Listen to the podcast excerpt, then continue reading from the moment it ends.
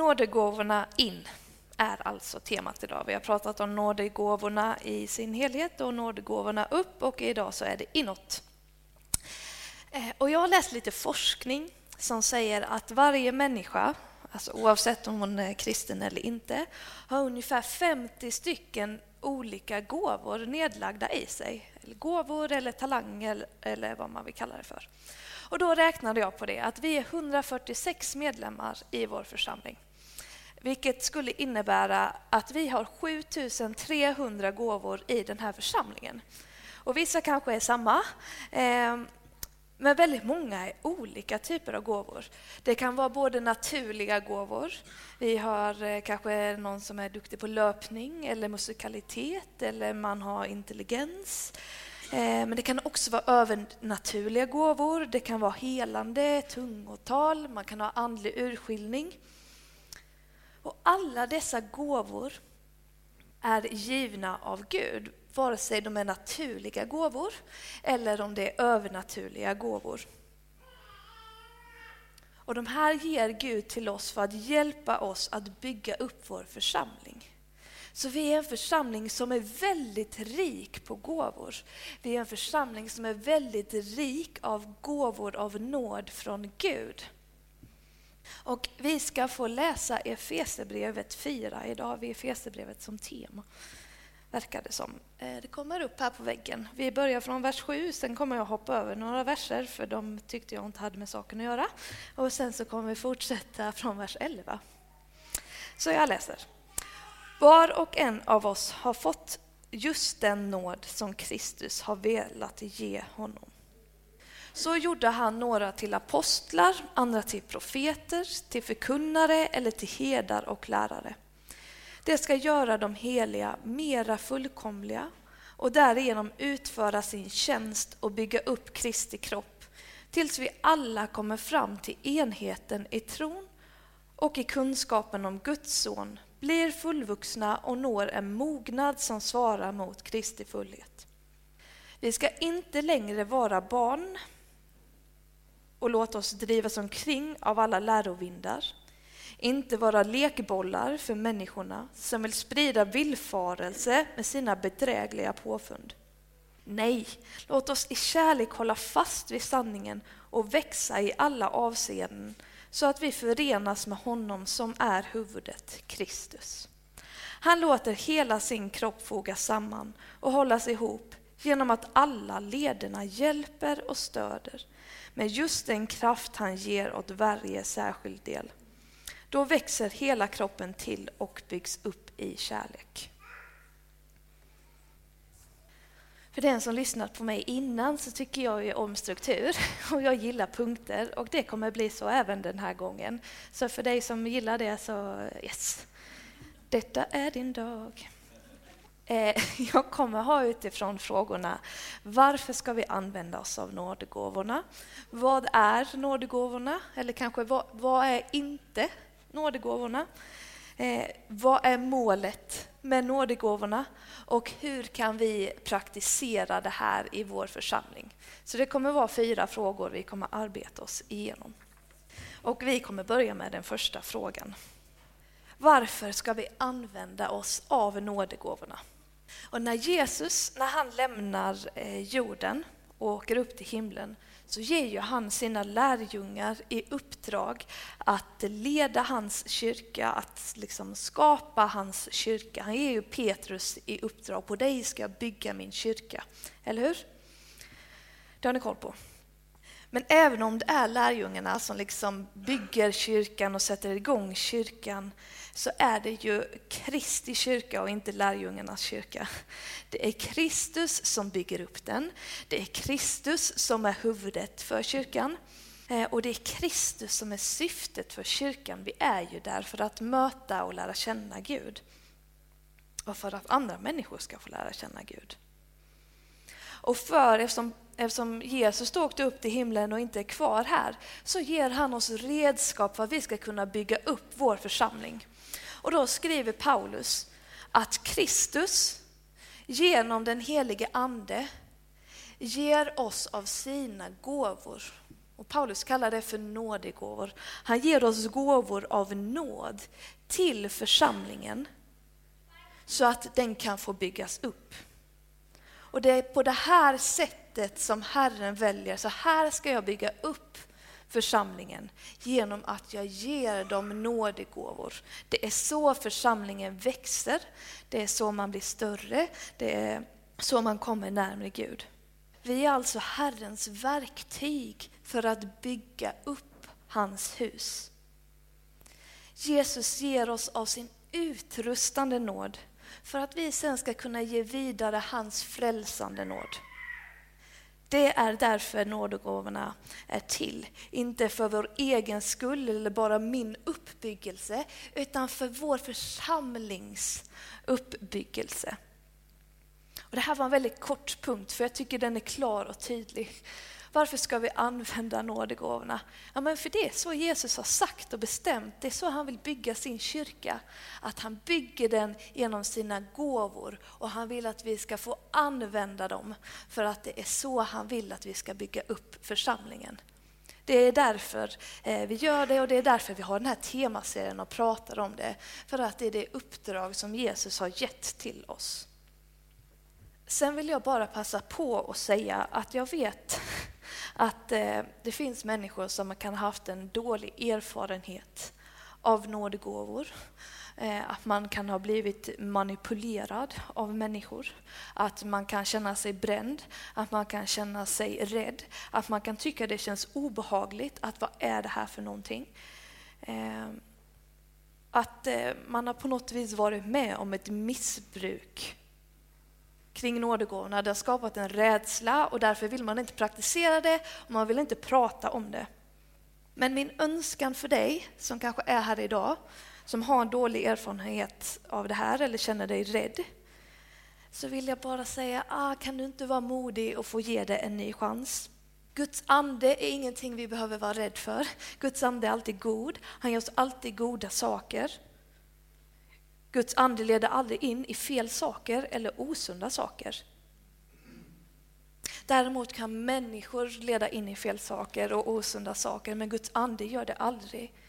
Så jag vill uppmuntra och uppmana dig till att få skilja på när människor har missbrukat gåvorna eh, och vem Gud är och vad Gud ger. Och att eh, våga få ge chansen att få en ny erfarenhet, att få upptäcka någonting på nytt.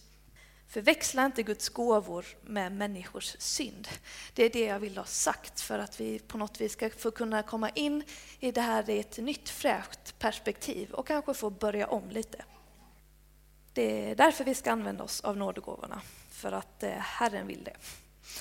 Så vad är då nådegåvorna? Och vi har ju haft undervisning innan om det här tidigare. Jonas har pratat och Anna har undervisat oss om det. Så jag tänkte inte gå igenom någon lång lista. Då kommer jag också predika så länge och jag tror inte ni är jättetaggade på att jag står här i flera timmar och pratar. Eh, så jag kommer inte gå in jättemycket på det. Så om ni inte har hört de tidigare predikningarna så vill jag uppmuntra er att när du kommer hem så kan du lyssna på dem och de finns på vår hemsida och där poddar finns och så. Så hänger man med kanske lite mer i vad jag kommer prata om. Så jag kommer inte säga allting vad nådegåvorna är, jag kommer rikta in mig på någonting. Vad är nådegåvorna? Eller vad är inte nådegåvorna? Och som jag sa innan, vi människor vi kan leda in fel och osunt och hit och dit. Eh, vi missförstår ofta Guds ord, vi förvränger det och eh, vi gör Guds goda grejer till något, till något konstigt och vi gör det till svåra grejer. Jag har ofta tänkt på det att det här med vuxendop eller barndop eller troendedop eller vad man kallar det har blivit en så gigantisk fråga i, i eh, alla samfund i kyrkan idag. Och så tänker jag att Jesus sitter där uppe och bara ah, det enda jag sa var att ni skulle döpa varandra men ni gör det till ett sånt problem. Att det är så vi människor gör. Ehm, att vi krånglar till saker och vi eh, delar upp det i små olika fack och vi gör det krångligt. Och jag tror vi också gör så med nådegåvorna, att vi gör det svårt och vi gör det krångligt. Och jag tror att man lätt kan hamna i olika diken. Och ingen av dem är särskilt bra. Och jag tror det ena diket här kan vara att vissa tänker så här att det här med de här nådegåvorna, det är ingenting för mig. Jag är inte så kristen som de andra, jag är inte så helig som de andra. Jag är liksom inte ledare där, eller jag är inte prästen. Jag är inte utbildad i det där. Nej, men jag är för gammal. Jag har haft min tid, nu är det slut. Eller eh, jag är för ung, Herren kommer inte ge mig det nu. Och vi gör hela tiden undanflykter och tänker att det finns någon typ av liksom kristen elit som är den som praktiserar det här och vi andra, vi är inte riktigt med utan det är de där borta. Liksom. Det är de som är de duktiga och det är de som eh, är de utvalda. Det är de som har några nådegåvor. Jag är inte tillräckligt bra för att få det här. Jag har inte riktigt förtjänat det. Jag går inte tillräckligt mycket i kyrkan. Jag står inte tillräckligt mycket upp för min tro. Men Bibeln, den är så tydlig att alla har något att bidra med. Det är som Simon läste innan, när ni samlas har, no har alla något att bidra med. Någon eh, uppmuntrar med hymner, alltså någon sjunger, någon predikar, någon talar i tungor. Eh, vi har alla något att bidra med.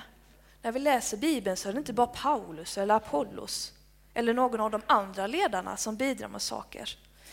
Utan varje medlem har fått just de gåvorna som Kristus har valt för att bygga sin församling. Det är inte bara jag, det är inte bara Daniel som är utvalda till att ha gåvor i den här församlingen. Utan Kristus har valt ut just de gåvorna för varje person i vår församling för att vi ska byggas upp tillsammans. Det finns ingen kristen elit här.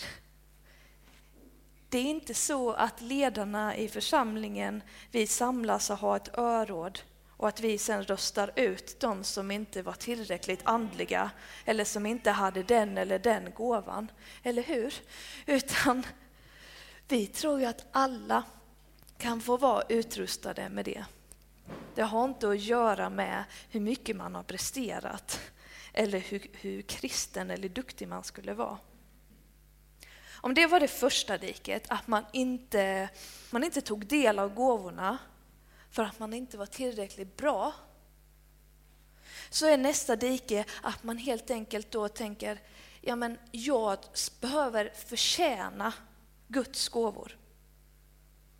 Så man är helt med på att jag är inte tillräckligt bra, men jag ska försöka kämpa mig upp till att förtjäna det här. Man ser gåvan lite som en medalj man kan hänga runt halsen. Här är, har du en medalj för god tjänst i Guds rike. Här blir du belönad för gott arbete. Det är när man med sin egen liksom, rättfärdighet försöker häva sig, försöker förtjäna Guds nåd. För man har ju ändå varit ganska duktig. Jag har varit på missionsresor och jag har predikat här och där och jag har försökt leda Gud och jag har vittnat på min arbetsplats. Jag har varit förebedjare. Åh Gud, titta hur duktig jag har varit. Det är som att vi förväntar oss en liten klapp på huvudet och så säger Gud, Bra jobbat Charlotta, nu har du nått upp till bronsnivån. När man är på bronsnivån då får man tungotal. Eller, ja men ja, men när du predikade där, då nådde du precis upp till silvernivån. Och när man är på silvernivån, då får man helande som gåva. Det är bra. Och vi ser lätt på gåvorna som ett tecken på en god kristen, som ett tecken på min egen helighet. Att vi kan se oss själva som att vara med i den andliga eliten. Men självklart vill ingen av oss erkänna det, för det skulle ju vara högmod och vi vill ju vara ödmjuka människor. Men för båda dessa dikena, även om man inte tror att man är bra nog, eller om man tror att man är bra nog, så handlar det egentligen hela tiden om att vi vill förtjäna Herrens gåvor. Det är så vårt samhälle fungerar. Vi vill komma upp till nivån, vi vill också liksom hjälpa till. Vi vill med vår egna rättfärdighet vinna gåvorna. Den ena tycker att den är för dålig och tänker jag kan inte göra det där. Den andra tänker ja, nu ska jag kämpa. Men din egna rättfärdighet är ingenting för Herren. Bibeln säger att din egna rättfärdighet när du försöker förtjäna någonting är avskyvärt. Att vi försöker komma och berömma oss inför Herren. Att vi försöker liksom ta cred för de gåvor som han ger till oss för att han är frikostig, för att han är god. Så försöker vi ta det som att vi själva har kämpat lite. I Jesaja 46, vers 6 så står det, jag tycker det här är intressant, i den, eh, i, inte i den svenska texten, i den hebreiska texten, så står det att Herren säger att alla våra rättfärdiga gärningar är som en menstrasa för honom. Alltså som Herren säger att när vi försöker förtjäna vår rättfärdighet så är det som en nedblodad binda för Herren. Det är någonting som är ofräscht. Det är någonting lite äckligt, det är blodigt, det är kletigt och inte bra. Det är inte så många som vill översätta till menstrasa, de tycker väl att det känns jobbigt. Eh, men det står det. Det är inte bara liksom fel sätt att tänka kring gåvorna. Det är till och med så att Gud tycker att det är äckligt och smutsigt när vi tänker så om oss själva eller Guds gåvor till oss. Så vad är gåvorna? det är precis det som det låter. Det är gåvor av nåd. Ingen ska kunna berömma sig. Det är gåvor som Gud ger precis hur mycket han vill. Till precis vem han vill. Till alla sina delar i sin kropp. Och ibland så är det som att man hör saker om och om igen. Vi hör ju att det är nådegåvor, men det går inte riktigt in. Men det är inte något man ska berömma sig för. Vi är alla på samma nivå inför Herren. Det är gåvor av nåd. Så vad är då målet med de här gåvorna? Jag gillar att ha mål. Jag tycker det ger mig mening. Om jag inte riktigt vet varför jag ska göra någonting så vill jag helst inte göra det. Eh, och jag tror många av er också är så. Tänk att man skulle spela fotboll utan att ha ett syfte, utan att ha ett mål. Varför ska man bara springa runt då liksom hit och dit? Nej men vi gillar ju att ha ett mål med varför ska vi göra saker? Vad är syftet? Vad är det vi ska komma fram till? Ska vi bara eh, liksom fortsätta jag menar, bygga på församlingen i all evighet? Och texten vi läste från Efesierbrevet den svarar så bra på frågan. För där står det så här. Vi ska söka och använda oss av nådegåvorna tills vi alla kommer fram till enheten i tron och i kunskapen om Guds son.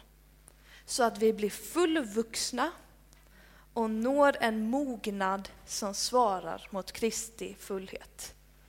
Alltså vi ska allihopa ha en enhet i tron och vi ska ha kunskap om Jesus. Det är därför Herren ger oss nådegåvor så att vi ska få växa till de här två grejerna. Men på något märkligt sätt har vi redan uppnått det här med enheten i tron, men ändå inte.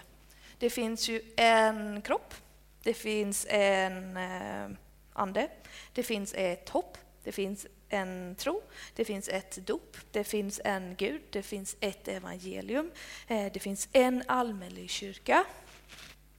Men samtidigt så finns det så mycket splittring i kyrkan. Det som först och främst splittrar, skriver ju också Paulus när han fortsätter, är villolärorna. Låt inte människorna komma med sina bedrägliga läror. Låt oss inte få vara som lekbollar som flyger lite hit och dit för att vi vet inte vad vi tror på eller vad vi håller på med. Och det säger Paulus, det är ett hot och ni måste sluta med det. Och det här smyger sig också ner, inte bara kanske nationellt över kyrkor, utan också in i församlingar och in i människor och kanske i vår församling.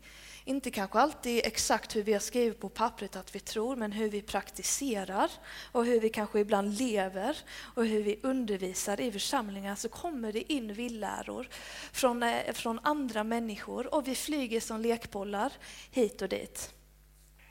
Och Paulus skriver, vi ska inte längre vara barn och låta oss drivas omkring av alla lärovindar. Inte vara lekbollar för människorna som vill sprida villfarelse med sina bedrägliga påfund. Vi som Guds församling måste veta vem tror vi på, vad tror vi och varför tror vi som vi gör och få leva i den här kärlekens gemenskap så att vi då till slut når målet att få vara i vår fullhet i Kristus, att få bli fullvuxna i Kristus. Det är alltså med det här målet för ögonen att han vill att vi ska få leva i enhet i tro och att få ha kunskap om Jesus. Det är därför Kristus ger oss sina nådegåvor. När han får eller när vi får undervisa i hela Bibeln med andeutrustade lärare, då lär vi känna sanningen och honom själv. När han uppreser andliga herdar, då förenar han oss i sin enda jord. När han utrustar människor att tala profetiskt så avslöjar han synden som splittrar oss och han avslöjar evangeliet som förenar oss. Och på olika sätt med olika gåvor så bygger han upp sin kropp till enhet och kunskap så att vi får lära känna Gud och vi får växa mer i vår församling. Så att vi till slut kan få eh, förmå fatta höjden och längden och bredden och djupet av Kristi kärlek som är väldigare än all kunskap tills hela Guds fullhet uppfyller oss. Tills vi har nått den mognan att Guds fullhet får bo här. Det är målet med nådegåvorna, det är därför vi ska använda dem. Det är dit vi jobbar. Så hur ska vi då göra det i vår församling? Det här är den fjärde frågan och sista frågan. Som jag sa i början, Gud har ju redan gett oss jättemånga olika gåvor. Vi har 7300 gåvor här i vår församling. Det är jättemånga olika gåvor. Tror ni att vi använder alla de gåvorna här? Nej. Tror ni vi ens kan räkna upp alla de gåvorna? Nej. Men det är så här, Gud, han har också fler gåvor att ge än de han redan har gett. Ja, det står i Guds ord att han uppmanar oss att söka ännu fler av hans nådegåvor. Men poängen med gåvorna är ju återigen, det är inte för din egen skull, utan det är för församlingens skull. Det kom en tjej en gång fram till en förebedjare under gudstjänsten och så bad hon, kan inte du be för mig att jag ska få tungotalets gåva? Och då svarade förebedjaren, ja, varför vill du ha den här gåvan? Och tjejen hon blev lite förvånad över frågan. Hm, varför frågar han det här? Men hon svarade väldigt ärligt och sa alla mina andra kompisar har den här gåvan och jag känner mig lite utanför, jag vill också vara som dem. Men detta är helt fel motiv att söka en gåva. Vi ska inte använda gåvor för att vi ska liksom bli inne, att få vara en i gänget. Att vi ska liksom ha bra poäng hos alla karismatiska personer. Utan det är hela tiden, vad är det som bygger upp församlingen? Och i olika församlingar så är det olika saker vi behöver för att bygga upp den beroende på var vi är någonstans. Och därför måste vi fråga Herren, vad är det Gud som du vill leda oss in i? Vad är det Gud som du vill att vi ska göra? Och sen utrusta oss med dina gåvor för att få göra det. Vi har eh, i ledarskapet i församlingen, alltså eh, personalen och styrelsen och församlingsrådet, pratat en del om det här eh, med gåvor i vår församling. Och vi har sett att vi har så många gåvor och vi ut, eller utnyttjar helt fel ord, för, men jag menar i en positiv bemärkelse. Vi tar inte tillvara på gåvorna som är här. Och hur kan vi få vår församling att blomstra? Hur kan vi få varje lem i kroppen att få göra det de är passionerade för, som Gud har lagt ner i var och en av er? Och vi längtar efter att människor ska få komma mer i sin funktion och mer i sin rätt att få använda mer av det goda Gud har gett. Och även om vi tycker det här är jättebra i, i ledarskapet så räcker det ju inte med att vi tycker att det är bra. Utan det här är någonting som vi som församling måste bestämma oss för gemensamt. Alltså vi måste ju alla vara med på att eh, vi vill använda oss mer av gåvorna. Vi behöver var och en fråga Herren vilka områden vi ska gå in i. Vilka gåvor eh, passar i de här uppgifterna? Vi kanske behöver fråga, vilka är mina gåvor, Herre? Hur kan jag få, liksom genom dem få vara med och bygga upp den här församlingen? Vilken funktion har du tänkt sätta mig i? Men vi behöver också få göra det gemensamt. För att Guds gåvor är främst en gemensam sak vi gör för vår församlings uppbyggnad. Det är en arbetsutrustning för oss arbetare som hjälper oss att växa och mogna så att vi tillsammans ska nå Kristi fullhet. Så hur gör vi det här i vår församling? Och när, när jag tänkte på det här så tänkte jag, äh, jag vet inte. Och vi ska självklart fråga Herren var och en och också tillsammans. Men hur ska vi sen gå vidare? Ibland är det som att någon står här uppe och babblar och så tyckte man kanske det var bra eller dåligt, det vet jag inte. Men sen går de åtminstone ut ur andra örat och så blev det ingenting av det. Och så tänkte jag, åh, hur gör vi så att det här, den här temaserien får bli någonting som ger nytt liv och som bär ny frukt? Men jag vet inte. Är mitt svar. Och därför pratade vi lite på morgonen och sa att vi kanske behöver jobba med det här i vår församling under den här terminen. Och vi som är ledare i församlingen, vi behöver komma fram till hur ska vi få liksom ha, väcka det här till liv? Hur ska vi få praktisera det? Hur ska man få liksom, eh, ta sin plats? För det här är ju ganska liksom mycket att fixa med 7300 grejer och jag jobbar bara 60 procent. Jag hinner inte allihopa.